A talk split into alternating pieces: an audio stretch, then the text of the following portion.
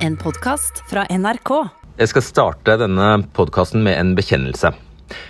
Etter tirsdagens sending så så vi oss rundt, og vi følte vel egentlig at det var korona som stakk seg ut som det naturlige temaet å ta opp. Eh, Det har jo kommet nye smitteverntiltak i by etter by, og eh, det er fremdeles snakk om koronapasset osv.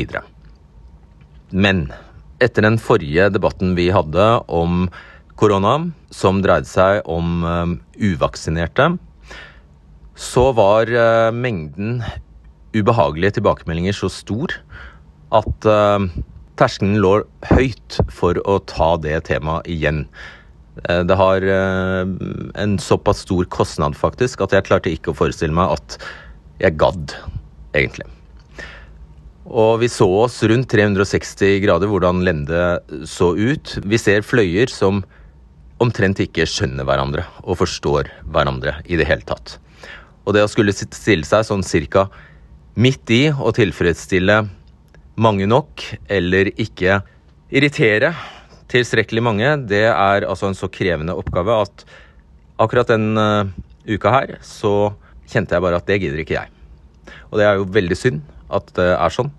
Men når det er sagt, så skal du her få et annet brennaktuelt tema, nemlig den forbruksfesten vi nok alle på, eh, i større eller mindre grad er del av, og den forbruksfesten som kulminerer nå med Black Friday i morgen. For elleve år siden hadde du ikke hørt om Black Friday. Bli der du er, så får du snart møte PR-mannen som i dag angrer på at han brakte oss Black Friday til Norge. I dag sier han at hele denne uka er skapt for at vi skal kjøpe flere ting enn vi ellers ville ha gjort. For et par år siden handlet mer enn hver tredje nordmann på Black Friday. De yngste handler mest, kvinner noe mer enn menn, og i snitt shoppet vi for nesten 2000 kroner hver på denne ene dagen. Og i løpet av denne uka, Black Week, regner handelsstanden med at vi har brukt nesten 17 milliarder kroner. Og bare i morgen kommer vi til å bruke nesten 3,5 milliarder kroner. Og kanskje sitter du akkurat nå med mobilen i hånda, PC-en eller Mac-en i fanget og er i ferd med å legge noe i handlekurven mens du ser på debatten. Da skal du få, få med deg noen helt konkrete tips for ikke å bli lurt på Black Friday. Det skal du hjelpe oss med, Trond Rønningen. Du er direktør i Forbrukertilsynet. Eh, det kan være vanskelig å navigere i, alle, i villnis av nettbutikker eh, nå, så dere har utstedt fem tips til hva man kan gjøre for ikke å bli lurt. La oss ta dem. eh. Ikke se deg blind på rabatten, er det første tipset. Hva betyr det? Ja, Selv om eh, man tilbys både 40, og 60 og 70% rabatt, så er det ikke sikkert det er et godt kjøp av den grunn. Så Vi anbefaler da at man sjekker med andre butikker for tilsvarende produkt, og se om det er sånn at det faktisk er det billigste tilbudet som annonseres. Se på prisen. Ja. Akkurat. Ja, Og så, nummer to, sjekk at prisen faktisk er satt ned. Er det virkelig noen som prøver seg på å bløffe oss? Ja, det er jo sånn at det, det annonseres også for produkter med ordinær pris under Black Friday og Black Week, uten at det eh, synliggjøres på en god nok måte i mange tilfeller. Akkurat. Vi skal se noen eksempler på det etter hvert. Nummer tre er sjekk alltid prishistorikken. Kan man det, altså? Ja. Det er alltid sånn at hvis noe er på salg, så skal det stå en førpris. Eh, Så Hvis man ikke ser en førpris, så kan man regne med at det er ordinær pris. Eh, Det man gjør da, er jo at man kan bruke de eh, sammenligningstjenestene som er. Prisjakt.no, prisguiden.no. Så ser man, eh, går inn der og ser hva denne, dette produktet har kostet rett før eh, Black Friday og Black Week. Ok. Og det femte tipset dere gir oss, er ikke Nei, det fjerde er ikke la deg stresse. Ja, det er jo sånn at eh, Man spekulerer litt i at tilbudet varer en veldig kort tid. Og så er det ofte sånn at eh, En del av de produktene som tilbys på Black Friday, kan man få billigere på andre typer salg, f.eks. januarsalg. Så Man kan se litt på prisopplysnings- eller pristjenesten og se om det er sesongvariasjoner osv. Så, videre. Så er det ikke alltid at man går glipp av tilbudet selv om man ikke handler på Black Friday. Black Så skal vi overse at det står en klokke der og tikker ned og sier at eh, nå må du skynde deg fordi tilbudet forsvinner? Nei, men Litt is i magen kan man ha. ok. Og nummer fem, vær obs på antallsbegrensninger. Ja, Det er også noe man gjør, at man kjøper inn et visst antall produkter, f.eks. 1000 eller 100 av noe. Da må man være klar over det at Hvis man kommer litt seint inn, så får man ikke det tilbudet som er annonsert. Følger du rådene selv? Jeg prøver det. Handler du på Black Friday? Ja, Ikke så mye. Nei. ok. Eh, Det er en grunn til at dere har sett dere nødt til å utstede disse rådene. Ja, da, og Det ser vi jo eh, blant de tipsa vi får, og når vi følger med på de kampanjene som er fra år til år. Akkurat. La oss ta en uh, titt på ja, altså, Dere kartla etter Black Friday i fjor så kartla dere en god del feil i markedsføringen av uh, tilbudene. Skal se på noen eksempler her. Vi kan starte med Stormberg. De solgte denne Geilo vatterte selebuksa for barn til 199 kroner under Black Week. Men ifølge Prisguiden så har dette produktet aldri blitt solgt til den prisen som står oppført her, 599 kroner. Det dyreste denne selebuksa noen gang har blitt uh, solgt for, er 299 kroner, ifølge prishistorikken. Hvor vanlig er det at de ja, dette, Hva skal man kalle hvor vanlig er dette her? Ikke så veldig vanlig, men vi tar jo stikkprøver, så i og med at det har dukka opp, så er det ikke helt uvanlig heller. Dette er jo, hva kaller man det? Er det svindel? Hva er det? Det vil jeg ikke si, men det er iallfall brudd på reglene. og Sånn skal det ikke være. Mm. Vi går videre. Dere sjekket kid.no. Da oppdaget dere at flere som klikket på dette banneret, Black Week, de kom til denne siden, og her eh, kan man eh, lese at de har mengder av flanell sengesett til ja, fra 99 kroner. Eh, og her ser vi en blanding av produkter som da har en klar eh, rabatt på f.eks. 40% og man ser førpris og eh, ny pris. Men så er det også noen sengesett som bare har god pris. Eh, hva er god pris? Ja, det er det som vi sa i stad. Det er ikke alt som annonseres på Black Week og Black Friday som er tilbud. Eh, og Dette kan jo være egnet til å forlede kunden til å tro at dette er et tilbud, men i realiteten så er det samme pris både før og etter eh, Black Friday. Og Det er jo eh, å misse, og, og, at kunden ikke får den informasjonen som man trenger for å kunne gjøre et godt valg. Men det er noe med at vi blir, så, altså bare det at det så Black Friday gjør at vi tror at vi tenker at her er det tilbud, og når det i tillegg så god pris, så tenker vi ja, ok, det er, vi godtar det. Ja, og Sånn skal det ikke være. Det skal klart framgå hva som er salg og ikke. Men her ser man at det er ikke noe førpris. Da og da bør man tenke at da er det ikke salg. Ops, ops. Ok, Vi går videre til blivakker.no. Sikkert mange som lot seg lokke av dette tilbudet på en bioterm deodorant til hele 31% rabatt. Den kostet før 219 kroner, står det. Nå koster den bare 149 kroner. Men her viser det seg ifølge Prisjakt at denne deodoranten kostet 219 kroner mange måneder før Black Friday. Eh, I perioden etter og før og etter Black Friday, ja, da kostet den eh, Da var prisen lavere enn 219 kroner. Og hvis vi ser her videre, så ser vi se på dette her. Bli vakker har endret prisen på akkurat denne deodoranten utallige ganger eh, mellom april og november. Opp og ned gikk eh, prisen. Hva kan vi lese ut av dette? Altså, Førprisen skal jo være den prisen varen faktisk er solgt for rett før salget. Så dette er jo ikke måten å gjøre det på. Eh, det er jo forvirrende og misvisende eh, markedsføring overfor kunden. Så bare gjenta det, det er den prisen som var rett før salget som gjelder? Ja, det er utgangspunktet. Akkurat. Den laveste prisen før salget. Laveste prisen før salget. Ok, til slutt. Byggevarekjeden Monter klarte sikkert å selge en god del avstandsmålere, høytrykksspylere, sirkelsagere og boreskrutrekkere med denne annonsen her, men her ser vi at de bare kaller det kampanjepris. Og hva i alle dager er kampanjepris? Nei, Det er litt uklart. da, og som jeg sa, så følger av markedsføringsloven at det skal stå en førpris hvis det er salg. Eh, og Det er litt uklart her, da, for førpris er ikke oppgitt. Nei, så Strengt tatt så aner man ikke om det i det hele tatt er i salg? Nei. Nei. Ok. Eh, hvor alvorlig er de bruddene dere har uh, funnet her? Nei, Det er jo alvorlig i den forstand at kunden ikke får en overblikk over hva tilbudet egentlig er. Eh, og Dette er jo klare regler egentlig for hvordan man skal drive markedsføring. Så kan man jo vurdere hvor alvorlig det er, men eh, det er ganske klare brudd eh, på, på regelverket. Eh, og sånn skal det ikke være. Og Da sender dere brev. Dere har sendt brev til 14 bedrifter i fjor. skal vektlegge det. Og hva skjer da?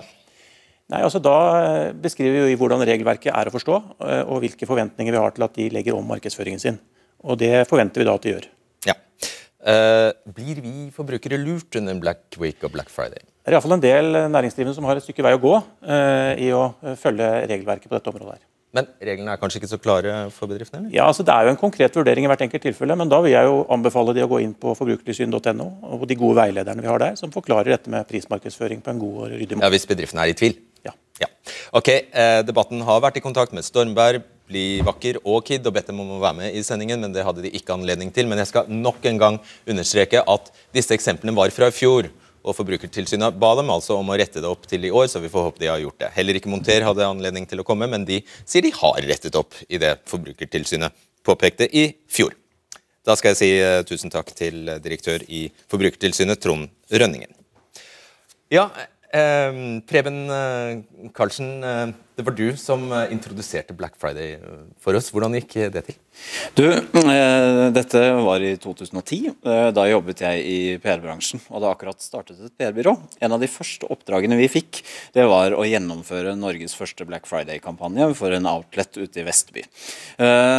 Da tok vi tak i det ikoniske salgssymbolet i klesbransjen. Nakne utstillingsdukker. Og så blåste vi liv i det. Eh, rett og slett ved å sende ut nakne modeller på Karl Johan i Oslo i minus 10-15 grader. Eh, skapte naturlig nok ganske mye oppmerksomhet. Det satt en debatt, og vi fikk da muligheten til å sitte på flater som dette og fortelle om alle disse ekstreme tilbudene som kom til å være på Vestby dagen etter. Resultatet var flere tusen mennesker i kø før åpning. Salgsresultatet verdensrekorder, og jeg tror vi telte et par-tre knekte neser i køen. Så det var ganske nedrig. Eh, eh, så syns jeg det er viktig å bare ta inn at dette var i 2010. Debattklima og, og mentaliteten rundt bærekraft var ganske annerledes. Og det byrået jeg startet, vi fikk mye skryt fordi vi valgte å ikke jobbe med kunder som drev med uh, gambling, alkohol og tobakk. Det tror jeg ikke vi hadde fått i dag.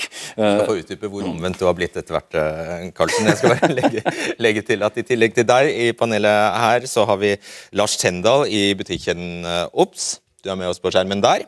Så har vi gullsmed Thomas eh, Heierdal, og så har vi Jarle Hammerstad i Virke. Og så har vi deg, Per Kristian Teie. Velkommen til deg. Takk. For det, det, telles nemlig ned for harde livet også hos uh, dere, og også for, hos de som er interessert i å kjøpe seg nye fliser eller uh, baderomsprodukter hos Right Price Tiles. Ja. Uh, hvor viktig er denne uka for dere når det gjelder omsetning? Eh, det er ikke noen tvil om at det er en viktig uke i en viktig periode på høsten. Altså, høsten er sterk i den uh, bransjen her, og i den uka der så dobler vi volumet, salgsvolumet. Men, uh, men det er bra salg både før og etter, men den uka der er viktig. Akkurat. Og hvor gode kan tilbudene bli? Nei, altså det er jo Kan vi få opp noen eksempler på det? Men vi, ja, vi, vi kan, ja, det, ja. Her ser vi noen eksempler. Ja, man må, jo, man må jo eh, kjøre på. Det må jo være noe ekstra hvis man skal liksom, komme gjennom uh, jungelen. Og vi, uh, vi, har valgt å kjøre ganske hardt i den perioden her. Det ser vi jo på. på selv om volumet er det doble, så er jo ikke salgstallene i omsetning det doble. Akkurat. Så volumet går opp, og fortjenesten går litt ned. Men sånn er det. Er du sikker på at du ikke bare flytter uh, omsetningen? da, Skyver det, siden det blir så voldsomt nå? Nei, Vi har jo selvfølgelig hatt den diskusjonen der mange ganger. Og det er klart at uh, det er blitt mer og mer forventninger til at det skal bli at det skal komme gode tilbud, og mange avventer helt sikkert til den helgen der. Venter å kjøpe flis til eh, Black Friday? Ja, altså det ser man på når jeg skal gjøre noen personlige innkjøp nå også. Jeg har jo venta til denne uka her for å gjøre det, og det skjer nok også i flisbransjen. Akkurat. Um, hvordan kan man stole på at dette er reelle tilbud, at man faktisk som forbruker sparer penger på å kjøpe nå? Nei, det, er, eh, det kan du stole på hos oss. Vi setter ned prisene såpass at det, det skal De dagskuppene som vi kjører denne uka her, f.eks., det, er, det er gode tilbud. Det er noe sånn at uh, vi har tilbud ofte, vi. Så det kan nok være sånn at enkeltprodukter her har vært, uh, hatt samme pris i, i løpet av året. Men vi må kjøre gode tilbud skal vi komme gjennom i den jungelen.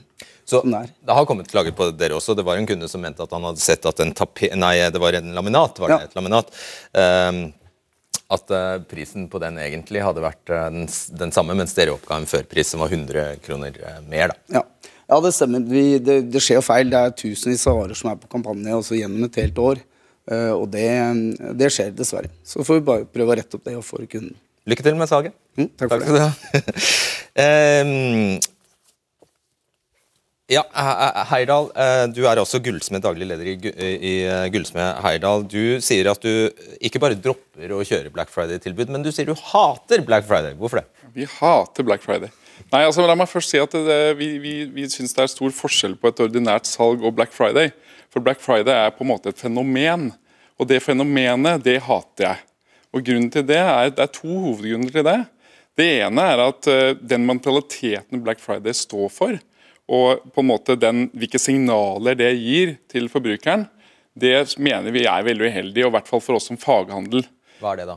Det er jo eh, å forlede kunden på en måte litt ut til å kjøpe altså, ting du ikke trenger, og kanskje til en pris som er, viser seg å være litt uoversiktlig. Og til og med er det noen som kjøper for penger de ikke har, altså på kreditt, som gjør at den varen blir kanskje veldig dyr til slutt, med tanke på de rentene som ligger i det. Den andre grunnen er at det går på en måte mot alle de forbrukertrendene vi ser nå, når vi analyserer hva de sier, hvor forbrukeren er mer og mer opptatt av bærekraft og sirkulær økonomi. Og uh, Med bærekraft så mener jeg det å droppe å kjøpe mange ting, men kanskje heller kjøpe litt færre ting. Som har lang nye rekorder, da? Ja, men som har lang levetid, og som kan repareres. Og som kanskje til og med kan gå i generasjoner til slutt. Akkurat. Hvorfor er, eh, hvorfor er denne, så, denne, dagen Jarle Hammerstad, leder i, eh, for handelspolitikk, virker så veldig viktig for dere? Ja, den er jo viktig i den forstand at altså det, er jo, det, er på en måte en sånn kickstart på julehandel. da. Det er julehandelen som egentlig er viktig for handel. Uh, og du må liksom se denne Black Friday eller denne handleuken som noen, noen kjører kampanje hele uken, ikke sant? du kaller for Black Week. Du må egentlig se den i sammenheng med julehandelen. Uh, og trenden er vel egentlig at man begynner tidligere. Eh, og den begynte før uh, stuntet ditt med, med, i 2010 med, med, Black Friday. Det har vært en forskyvning fra desember til november, og Black Friday-fenomenet har forsterket den trenden. Syns du om det her da sier? Ja, er, du hører jo hele spennvidden i handelen her. De som har konsepter, tilbud som egner seg for, for, en Black Friday eller Black Week, og de som er helt imot og som ikke syns dette passer i det hele tatt. Du har alle, alle variantene i handel. Så, så, hvilke bedrifter er, det Black Friday er ikke bare populært. for ja. å si sånn. Det ja, det er tydelig, fordi dere regner med at det settes nye som jeg sa, dere regner med at det settes nye rekorder hele tiden. Eh, hvilke bedrifter er det spesielt viktig for? Ja, altså, Det er ikke sånn at det settes nye rekorder. I, år så har vi faktisk spådd en nedgang i forhold til eh, 2019. 2019 var et, nok et toppår, tror vi. Eh, da handlet man på Black Friday for 3,7 ja, milliarder. Vi får se, da. Ja, og Nå ja. tror vi det kommer til å bli mindre. Vi får se. Vi får se. Det Men det er å få spådd om. Ja. ja, hvem er det viktigst for? Uh, Altså, eh, Det tok av i 2015. Da så vi liksom en eksplosiv vekst i Black Friday. Og samme perioden så har vi også fått en stor vekst i netthandel. Så netthandelsaktører har hatt stor vekst, stor, uh, tjent mye på Black Friday og kjørt kampanjer Black Friday. Uh, og så er det kanskje altså, elektronikkbransjen, klesbransjen, sportsbransjen har vel kanskje tradisjonelt hatt mye tilbud på, på Black Friday. Men netthandel er et, et, stikkord her, kanskje. Jeg mener jo også at eh, Black Friday er de, de stores fest på mange vis. Det er de som har krefter og muskler til å kjøpe inn enorme mengder produkter som de pusher ut til en ekstremt lav pris i forbindelse med Black Friday og denne type kampanjer. Eh, de små de har ikke muligheten til å konkurrere på like premisser, for de får dårligere priser inn. Eh, og dermed så eh, sliter de med å tjene penger på dette. Så Sånn sett så vil denne type kampanjer bidra til å styrke de store og gjøre det vanskeligere med en liten, små aktører i, i varehandelen. Og Det syns jeg er veldig problematisk. Lars Kjendal, velkommen til deg også, kjededirektør i Oppsa med oss fra eh, Hemsedal. Dere fikk også litt kjeft fra Forbrukertilsynet i fjor. De sa at dere ikke oppga reelle førpriser under eh, Black eh, Friday-kampanjen. Det regner jeg med var en glipp? Det er opplagt en, en, glipp. og Det er vel faktisk ikke at vi ikke oppga reelle priser, førpris, men at vi ikke oppga førpris, som var feilen vår. og klart Det skal ikke skje. og ja, Det må vi liksom ta inn over oss og gå over rutinene, og det har vi gjort. Og vi har svært dedikerte medarbeidere som i tid jobber med dette her for å skape gode handleopplevelser ute og være den troverdigheten hos kundene, som er superviktig for oss. Så, sånn skal ikke skje, det er vi helt enige og er veldig glad for at Forbrukertilsynet er der og faktisk er med på å ettergå bransjen. Det tror jeg er veldig, veldig sunt. Hvor mye penger bruker dere på å markedsføre Black Week og Black Friday? Vi bruker mye penger på å markedsføre OBS hver eneste uke. Eh, så vi bruker ikke så veldig mye mer eh, Black eh, Week, Black Friday egentlig enn det vi gjør en normal uke. Noe mer er det, men det er ikke noen vanvittige forskjeller. Så, og det vil også si, For oss så har vi en Nei, men Vi har en økning i omsetning på ca. 15 eh, på, på denne uken. her, så Det er ikke sånn enorm forskjell for oss. og Vi har gode tilbud gjennom hele året. og, Det er litt viktig å, å, si oppi dette er at det, eh, for oss i Jobb så er det viktig å gi noe tilbake til våre viktigste og beste og mest lojale kunder. og det er Spesielt barnefamilier Og kan gi noe tilbake, litt ekstra denne uh, uken. Og som representanten fra Virke sa også, liksom, det er en kickstart på, på, julehandel. Og vi opplever at de kundene som kommer til oss, de har planlagt den handelen. De vet hva de skal ha. De skal ha julegaver, de skal ha gaver til tantebarn, onkelbarn osv. Så, videre, så de vet hva de skal ha. Og det ser vi også i etterkant av Black Friday og Black Week, at det er veldig lite returer av disse varene. Nettopp. Uh, Heyerdahl, uh, jeg har skjønt det sånn at uh, som Carlsen påpeker her nå, det, det, fungerer sånn at de tar inn enorme partier. Det har jo ikke små kjeder eller små butikker anledning til før. Hvordan begynte dette da Black Friday var i emning? I emning da var det et slags restesalg? Ja, altså det Vanlig ordinære salg er jo fordi du har overliggere eller for mye ting på lager som du gjerne vil bli kvitt. Eh, gode varer med høy etterspørsel selges jo sjelden på salg. Det er bare å sjekke litt rundt.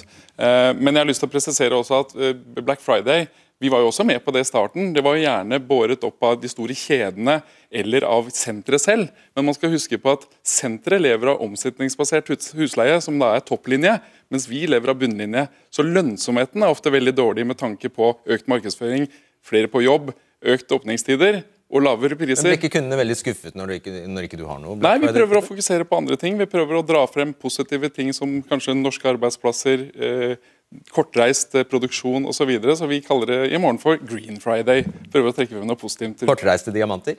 Kortreiste diamanter kan du også få. Er herlig. Ok, vi, Før vi går videre, vi skal se på noen eksempler vi fant i dag, faktisk. Denne eh, Fjellrevenjakken kostet eh, forrige måned 3299 kroner. På Black Friday koster den bare 1000 kroner, men det har den faktisk gjort siden juni. Med unntak av den siste måneden før Black Friday. Og så vet vi, som det ble sagt her, det, altså, Kjedene tar inn enorme partier med flatskjermer før Black Week. Uh, denne Samsungen kostet uh, forrige måned 12 000 kroner. Nå er den satt ned til 8000, så det virker jo som et varp. Problemet er bare at den har kostet 8000 kroner siden mars.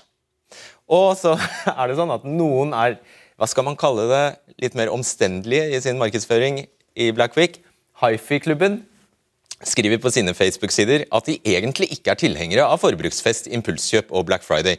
Men samtidig skriver de kan vi ikke svikte deg som er lojal kunde når du skal ut og handle. Derfor inviterer vi deg med til å være med på Black Days.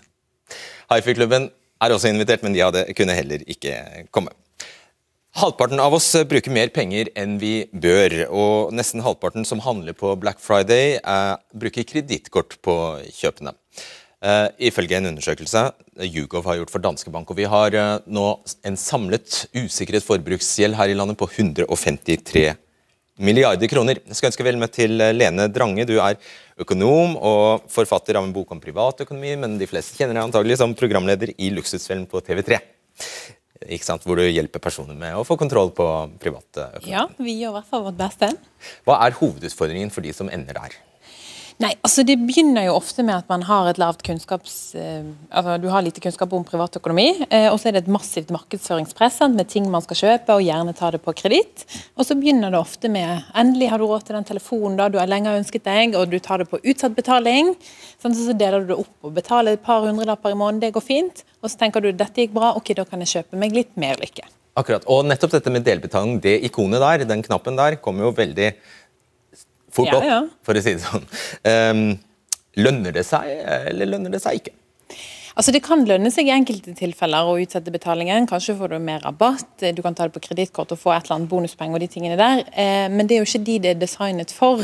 Altså Kredittkortene og disse utsatte betalingene gjør jo det for at noen ikke skal klare å betale, og da blir det lønnsomt. Nei, så utspekulert kan det ikke være. Jo, det er det. Jo, jo. Det mener jeg i hvert fall. Og det er det vi ser, da. Hm. Eh, mye salg, stort press, stort trøkk. Hva skiller de som kjøper over emnet, og de som faktisk evner å gå forbi eh, butikkdørene? Altså det handler jo om kunnskapsnivået du har, eh, og så handler det også om impulskontroll. Noen blir mye lettere revet med enn andre og tenker dette kan jeg absolutt ikke gå glipp av, og så plutselig ender det opp med at man tenker jeg tar og betaler de regningene og kredittkortet når jeg får igjen på skatten, men det er jo ikke så mye penger når man skal bruke på julemat, og kanskje man skal reise litt og andre utgifter i forbindelse med jul, og så kommer man dit og så får ikke man betalt. Ok, hva... Øh hva skal de med dårlig impulskontroll gjøre? Hva er det beste tipset?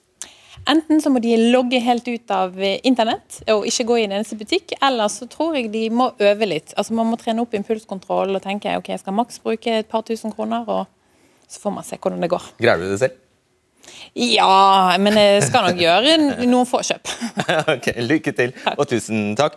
Og mens du har stått her, så har det også foregått et lite skifte i panelet her. Vi sier takk til Thomas Heyerdahl og Lars Tendal. Og så har vi fått med oss Anja Bakken Riise i Framtiden våre hender, og dosent i markedsføring Trond Blindheim. Og så skal jeg ønske velkommen til Karoline Næss Henriksen. Du, jeg tror du må løpe, Karoline Næss Karoline Nøss Henriksen.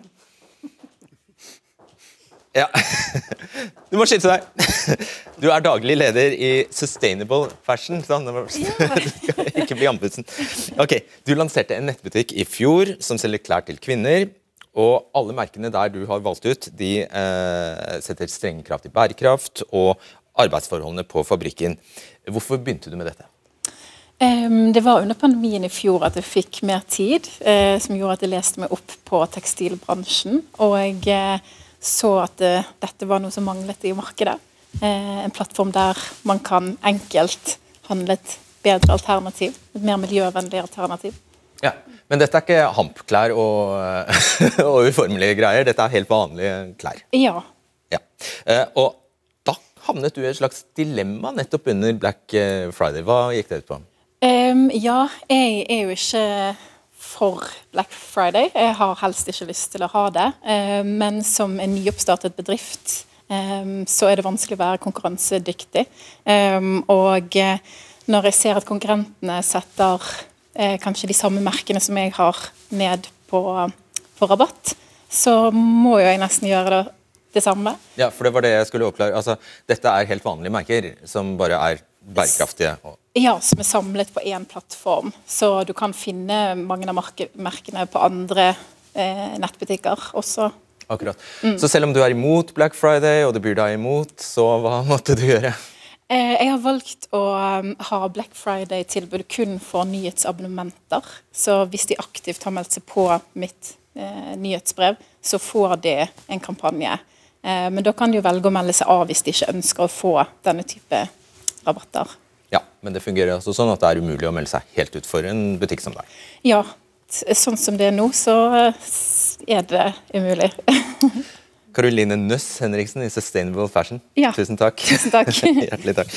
Ok, Trond Blindheim, eh, dosent i markedsføring ved Høgskolen Kristiania. Stemmer det at du kommer rett fra Black Friday-salget selv? Ja, jeg har kjøpt en støvsuger. Riktignok i går, da. Sparte 240, nei, 640 kroner. Gratulerer med det. Eh, sikker på at det var lurt? Ja, det er jeg sikker på, fordi jeg, eh, jeg fikk den demonstrert av min kollega. og Jeg fikk høre prisen han hadde betalt for den, og han hadde kjøpt den da et par måneder i forveien. og Kjøpte akkurat den samme, fikk den for 640 kroner billigere. Alright. Anja Bakken Riise, leder i Framtiden i våre hender og sterk motstander av Black Friday. En feiring av fråtsing og forbruk, kaller du det. Men, eh, men eh, Forbruksinstituttet SIFO, altså Statens institutt for forbruksforskning, eh, sier at de kjøpene som blir gjort denne dagen, er i stor grad planlagt, og at man kjøper ting som man trenger. Ja, Det finnes jo eh, grunn til å tvile litt på akkurat det. da. Eh, vi er forventa å bruke 3,3 milliarder kroner i morgen. Så er det sikkert noen som finner seg et, et godt kjøp, som Trond her har gjort. Eh, og det er ikke det vi eller jeg er ute etter å kritisere. Det jeg kritiserer, er handelsstanden, som eh, i en måneds tid nå har brukt enorme markedsføringsbudsjetter på å få oss, meg og deg, til å kjøpe en masse greier som vi mest sannsynlig ikke trenger. Og når vi skal løse klimakrisen, naturkrisen, så må vi få ned overforbruket. Og de pengene som vi er forventa på å bruke eh, på å handle greier i morgen, bare i morgen, Eh, en grov og litt sånn forenkla utregning på de tallene der tilsier at det vil ha et klimautslipp på samme størrelsesorden som over 70 000 flyreiser mellom Oslo og Bangkok. Altså Det betyr at sånn cirka hele Sandefjord skulle ha satt seg på flyet eh, fra Oslo til Bangkok i morgen. Det er de klimautslippene det tilsvarer. Og jeg tror faktisk ikke at flertallet av de kjøpene der er helt nødvendige kjøp. Vil Lars Hammerstad få, svare først, siden det er handelsstanden hun angriper? Ja, hvor, hvor, mange som har eh, nødvendige kjøp, det er ikke så godt å si. Men det, det er noe stor forskjell på klimaregnskapet på et kjøp og et annet kjøp. Eh, hvis du f.eks. kjøper en vare på nettet, eh, får den fraktet på fly fra Asia, så er det kanskje 20-gangeren dårligere miljøregnskap enn om du kjøper en i en norsk butikk som er eh, fraktet på en container. Eh, hvis den containeren har kommet eh, tidsnok, da, for nå har det vært litt sånn krise i frakten, men vi håper jo på det. Men, men det er, eh, og det, der tror jeg løsningen ligger. Det er, det er, mange måter å redusere klimautslipp og miljøfotavtrykket på ved handel. Uten at du nødvendigvis må, må shoppe så veldig mye mindre. Men du er selvfølgelig inne på noe. Ja, det her var jo litt sånn nye takter, tenker jeg. Altså, Handelen sjøl har jo utarbeida et såkalt eh, veikart for grønn handel, eh, som Virke har vært med på. LO, Ikea, Norgesgruppen, Coop osv. Dette kom på plass i 2016. Og Der sa man at handelen skulle bli en katalysator både for grønnere produksjon og legge til rette for at vi skal leve gode liv hvor bruk er viktigere enn forbruk. Men fem år senere så er vi altså her. Da snakker dere om i veikartet om at dere skal gjøre det mulig for folk å ta gode, sirkulære valg. Det dere gjør i løpet av Black Month, Black Week, Black Friday, det er en spinnvill salgskampanje som bare oppfordrer oss til å kjøpe mest mulig. Det er mest mulig bruk og kast. Jeg skulle ønske at dere brukte tida deres på mest mulig av budsjettene deres og kapasiteten og kreativiteten på å finne ut av det store og viktige spørsmålet her, som er hvordan skal handelen klare å tjene penger på noe annet enn bruk og kast? Og Da snakker vi nye forretningsmodeller, om det er utlån, om det er reparasjon, om det er leasing osv.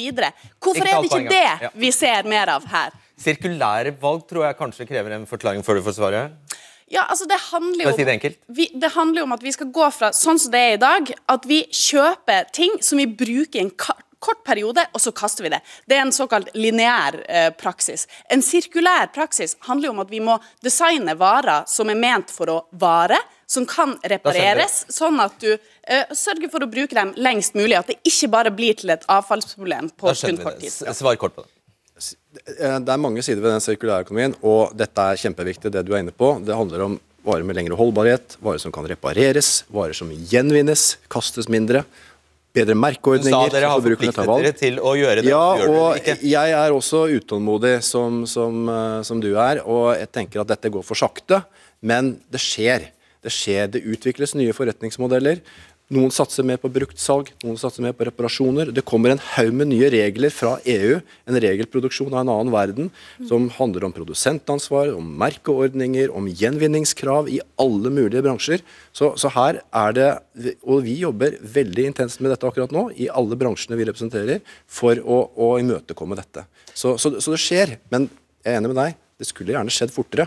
Og vi trenger også hjelp fra myndighetene med Stimulering. Det lønner seg f.eks. Trenger dere hjelp fra myndighetene, ja, til å slutte å pushe varer? Nei, vi trenger, vi trenger hjelp fra myndighetene til at det ikke skal lønne seg å kaste en vare, men å sette den i omløp. Dropp Black Friday i, stedet, I dag lønner det seg Hvorfor dropper du ikke bare Black Friday i stedet? Det er mye enklere. Ja, ja, det kan du si. Ja, det, det, lønner, si. det, lønner, seg skattemessig å kaste en vare fremfor å ha den i sirkulasjon. Mm. Og vi har, en, vi har lovregler, f.eks. en brukthandelslov, som gjør det veldig vanskelig å drive med bruktsalg. Så, så, så her, er det, her er de alle bidra, egentlig. Forstår. Trond Blindheim, du mener, skriver at klimaaktivistenes kritikk av de som handler på Black Friday, er nedlatende?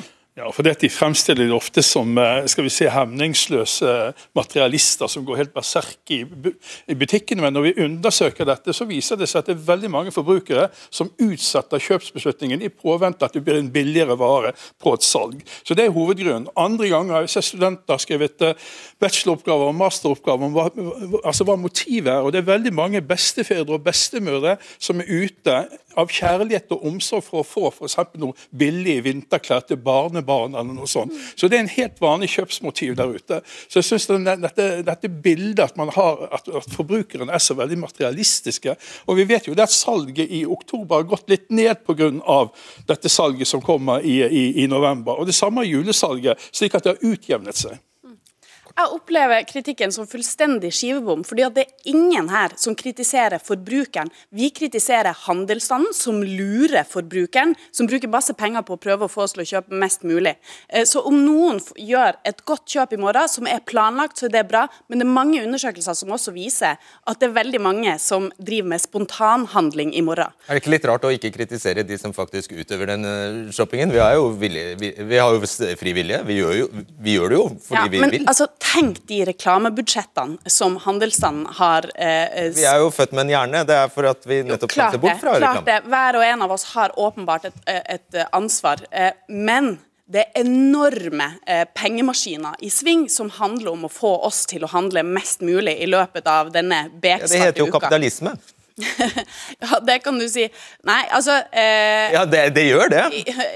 Em, eh, hva skal jeg si? Ok, eh, Nå er du inne på et vesentlig poeng her som handler om hvordan økonomien vår er drevet. Men det som er den store utfordringa, som jeg vet at Virke er, enig med meg i, er jo om hvordan vi skal omstille økonomien. Og et vesentlig eh, spørsmål da er hvordan skal vi tjene penger uten å ødelegge planeten. Jeg tror at sirkulærøkonomi er en del av svaret. Men altså eh, Ja. eh, Ja, hvordan, hvordan, hjel- eh, du kan jo hjelpe oss litt. Hvordan skal vi gjøre det? Fordi det er jo nettopp dette du prøver å jobbe med. Ja, jeg prøver å jobbe med det. Det er ganske krevende, men vi er nødt til å legge om hele den økonomiske logikken, sånn at man får en helt annen avstand til uh, markedet, der hvor produksjonen skjer, fordi vi må ta vare på materialene. Si hva du gjør. Eh, Det vi gjør, er å jobbe med å tilgjengeliggjøre i første fase kontormøbler som en tjeneste for bedrifter som er i utvikling og vekst, sånn at de slipper å kjøpe nye og kaste ting hver gang de flytter. Gjenbruk av kontormøbler. Ja, og så De abonnerer på en tjeneste, og så får de det installert, satt opp, enkelt og greit. Uh, og så håndterer vi ombruk. Så når du trenger noe nytt, så leverer du det inn, og så kan vi eh, håndtere det som kommer inn, og sørge for å sette det i stand og ta det ut igjen. Er det ikke bare en bruktbutikk, da? Det høres ut som det, er, en det er en tjenestebasert modell som gjør at vi holder ting i live mye lenger og har en grunn til å gjøre det fordi vi tjener penger på det. Og, og Kjernen i dette handler om materialer, hvis du retter blikket litt fremover. Fordi vi bruker opp naturen. Eh, hvert år så bruker vi over dobbelt så mye materialer som naturen reproduserer. Eh, fremover, i takt med befolkningsvekst, levestandardøkning og ikke minst klimakatastrofene som gjør at avlinger over hele verden går ned, så kommer prisene til å øke hvis vi ikke gjør noe med overforbruket. Og Black Friday er på en måte symbolet på overforbruk som vi er nødt til å få en slutt på. Så jeg angrer fælt på at jeg satt- satte i gang Ja, dette for ti år siden. Ja, fordi... ja, når fikk du den innsikten? Eh, Gradvis, eh, fordi jeg har jobbet som rådgiver for veldig mange forskjellige store virksomheter og sett hvordan økonomien utvikler seg, etter hvert som jeg har jobbet ganske dypt med, med rådgivning knytta til posisjonering og innovasjon og utvikling. Eh, og etter hvert så, så, så så jeg hvordan vi innenfor ulike bransjer bare kjører materialer tvers gjennom, fra Kina til søppeldynga, så vidt innom deg. Ikke sant? Og Det er sånn økonomien er rigget, og det er vi nødt til å få gjort noe med. Du vil Black Friday dø ut av seg selv? Eh, Den kommer til å dø ut etter hvert som vi får gjort den økonomiske omstillingen. Men det er ganske krevende, og det kommer ikke til å skje før om kanskje ti år, hvis vi er kjempeflinke. Og imens er det full pupp fra dere, eller? Ja, nei, det er, ja, du kan si det er, det er ting som går, skjer samtidig, da. Men eh, spørsmålet er liksom hastigheten på dette. Og jeg tror nok at eh, det må eh, kraftigere lut til nå på regelverkssiden og på skattestimulanser og sånne ting for å få fortgang i, i eh, denne prosessen og få flere forretningsmodeller som vi hører om her. Eh, jeg tror det, kom, det kommer til å komme mange sånne varianter som du er inne på, og det, det er mulig å tjene penger på det. Det er vi helt sikre på. Det ser vi eksempler på rundt omkring nå i hele Europa og, og andre steder. Så, så, så dette kommer mer og mer. Men vi trenger, noen, eh, vi trenger å få fortgang i det. Vi, vi, vi, ser at det går for sakte, og eh, her må vi nettopp sette oss sammen med regjeringen antageligvis, og finne frem til noen virkemidler, noen stimulanser. Og vi må sette oss ned med Men alle må bare, bransjene og finne ut hvordan vi skal gjøre Da må jeg bare tilbake til det enkle, enkle spørsmålet. Hvorfor ikke bare droppe Black Friday, hvis dere i, i bunn og grunn er enige? Det er kanskje lett å si det, men ikke sant? disse bedriftene konkurrerer. De konkurrerer så busta fyker. Vi hørte eksempel på her, en som ikke hadde lyst til egentlig å ha tilbud, men konkurrentene gjør det. Eh, ja, det er konkurranse, ikke sant? Eh, og det er kanskje vanskelig å la være. Men det er tross alt flere som sier at de lar være i år, da, enn de gjorde i 2019. Du benekter ikke det, det som handler om jordas ressursgrunnlag? Nei, nei. Men altså, det er jo det at industrien vil gjerne produsere mer. Handel vil gjerne selge mer. Forbrukeren vil gjerne kjøpe mer, viser også undersøkelser. Altså, Forbruket øker og øker. Og til syvende og sist er det også slik at Politikerne ønsker økonomisk vekst. Hvis ikke de har økonomisk vekst, så går de nedover med det partiet som, som på en måte styrer samfunnet. Så her er det en slags heldig treenighet. Og For å dempe forbruket så må de inn med rasjoneringskort og slike ting. Eller at man må ha en total økonomisk krise. For dette kommer bare til å fortsette, antagelig. Men selvfølgelig vil en del produkter bli fremstilt på en mye mer miljøvennlig måte i fremtiden. Blant annet gjennom krav og, og, Ja. og regulering. Og ikke minst at man får opp en tjenesteøkonomi som gjør at folk får tilgang til det de trenger når de trenger det, istedenfor at man skal kjøpe, eie, lagre og kaste alt. Det er kjernen i dette, og det er det mulig å få til uten at vi må, må flytte ut i skogen og, og leve i telt. Uh, virkelig. Så, så den tenkningen om at mer forbruk eh, og handler om å bare pushe mer vekst inn i økonomien, sånn, det er ikke riktig. Vi må legge om eh, og, og satse på en sirkulær omstilling. Det er krevende, og det krever at en eh, organisasjon som Virke går foran. Bruker de ti millionene dere får i statsstøtte hvert år på å informere folk om hvordan dette skal skje, riktig, istedenfor å støtte opp under Black Friday, som burde vært død. Det har vi fått svarekort, da. Ja, riktig det. Vi har fått eh, noen penger fra, fra regjeringen vi, til å drive med kompetansebygging i handelen for nettopp å få fram flere av de forretningsmodellene som du er inne på. Og det, det, så dette er et hovedprosjekt som vi jobber med nå.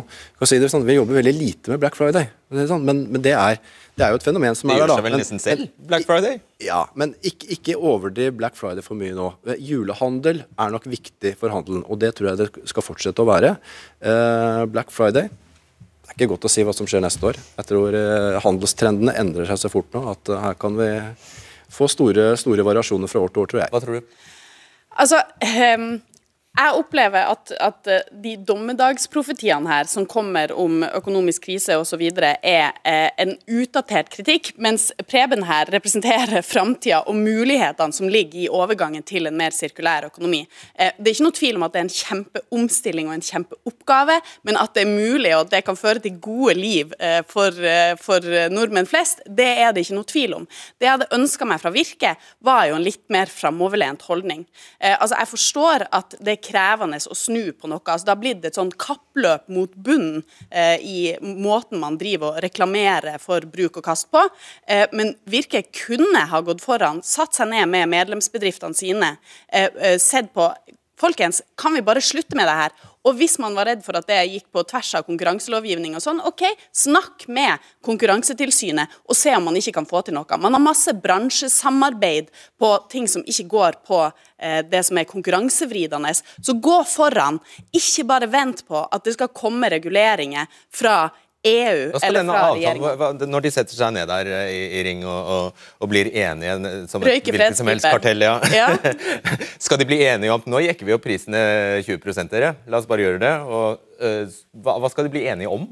Nei, altså det er klart, eh, eh, jeg, jeg skal ikke gå inn og si akkurat hvordan det her skulle ha sett ut, men, men at man skal slutte med en, full svart måned som bare handler om å selge mest mulig for en lavest mulig pris, det tenker jeg at eh, her finnes det ganske mange muligheter. Ja, nei, er det noe vi ikke kan gjøre, så er det å sette oss ned og si at dere skal slutte med kampanjer og at dere skal jekke opp prisen. Det, er, det har vi rett og slett ikke lov til. Det er konkurranselov som forbyr oss å gjøre det. Og jeg er heller ikke enig med deg. Det er, altså, jeg tror også du blåser opp vår rolle litt vel mye her. Her er vi nødt til å ta et skritt av gangen, tror jeg. Det er slik at uh, Forbrukerne vil ha flest mulig varer for minst mulig penger. Det har alltid vært en logikk. og I tråd med det så ser vi at det er billigbutikkene som ofte har størst suksess på markedet. Og Det er egentlig veldig vanskelig å sette seg som dommer over folks forbruk og begynne å spekulere hva slags motiver de har. For det Forbrukeren er motoren i systemet i dette. Altså Handel de tilpasser seg ofte. Det at de driver med eh, salg, altså de, de demper jo fortjenesten på for selve handelen. men forbrukerne elsker det. Men hvis det fører til destruksjon av livsgrunnlaget vårt, blir det Absolutt, ja. Og det er litt sånn eh, den skal vi si, moral som gjelder i forbrukersamfunnet, det er den som har skaffet seg flest ting før han dør, har vunnet. Så jeg, jeg ser jo at det er mange dilemmaer oppi dette, men det er nå engang sånn at forbrukerne liker å gå på salg og få varene litt billigere. Jeg syns det er ganske utrolig å legge hele det her vanvittige pengemaskineriet på enkeltforbrukeren. Altså, hvor mye, hvor stor er markedsbudsjettene til de aktørene vi snakker om her? De er jo gigantisk. Hvor stor er reklameindustrien? 25 og Ikke sant? 30 milliarder. Ikke sant? Det er ganske mye penger i svinn som handler om å prøve å få oss forbrukere til å handle mest mulig. Ja. Og, og, det at man, at man skal si at det er forbrukeren ja, som driver det her altså, forbruksjaget, det syns jeg er helt kan vanvittig. likestilles med resten, retten til å la være å kjøpe. Altså, Du trenger ikke å løpe til butikken selv om du ser en eller annen annonse for noe, men vi vet at eh, annonser kan sette fart på salget. Og Vi ser veldig ofte at halv pris og nå på tilbud og sånt er ofte de beste, eh, kanskje mest effektive annonsene. Mm. Og eh, det er en gang sånn forbrukeren vil ha flere varer for mindre penger. Det er ganske mange som også ønsker seg mer tid med familie, med venner, til gode opplevelser, framfor mest mulig ting. Og Da skulle jeg ønske at vi så en handelsstand som gikk foran i å prøve å tilrettelegge for det forbruket, som dere nettopp også har satt dere mål som, som dere sier at dere skal gjøre. Likevel så ser vi disse massive kampanjene for bruk og kast. Hvis ingen kjøper produktene som produseres, så går bedriftene konkurs. Det er veldig rart at man hauser opp det å produsere og være innovativ, mens forbruk det er noe helt forferdelig. Men det er forbruket som forutsetter produksjon. Ja. Altså, det å være innovativ det handler jo ikke om å sitte fast i en gammel og etter hvert utdatert forbruksmodell. Det handler om å gå over en ny måte å tenke eh, tilgjengeliggjøring av produkter på, en ny måte å produsere ting på, ikke minst reparere ting på. Uh, Virke kunne f.eks. tatt tak i hele infrastrukturen for reparasjon i Norge. Vi må bygge nye fabrikker som er designet for ombruk. Uh, det er store kostnadskrevende uh, oppgaver som ingen enkeltaktører har råd til, men myndigheter sammen med handelsstanden kunne gjort det. Og Så kunne man hatt et sambruk på det, og da begynner det å få fart på en helt ny tjenestestruktur som vi må bygge opp. Og Det er innovasjon, ikke det å fortsette som før. Ok, Nå vet vi at Blindern har, Blindheim har skaffet seg ny støvsuger. Er det noen andre som har uh, noe denne uka? På Black, Blackwick? Hamsha? Nei. Nei? Nei. Dessverre. Men jeg har tenkt at eh, jeg har noen greier jeg skal reparere, så jeg skal se om jeg ikke kan få til noe på det. Og Karlsen? Jeg har kjøpt hundemat til min nye valp. Og de reduserte til med, rab eh, med rabatt. Nei, det var, det var den vanlige Mustiklubb-rabatten som jeg fikk. Den, den fungerer året rundt. Ja, året rundt. Ja, nok reklame nå. Uh, takk skal dere ha. Alle sammen, løp og kjøp, eller la være. Uansett, du kan eh, skrive til oss på debatten nrk.no. Du kan se opptak av debatten på NRK TV, altså i NRK TV, eller du kan høre podkastversjonen av debatten. Takk for nå.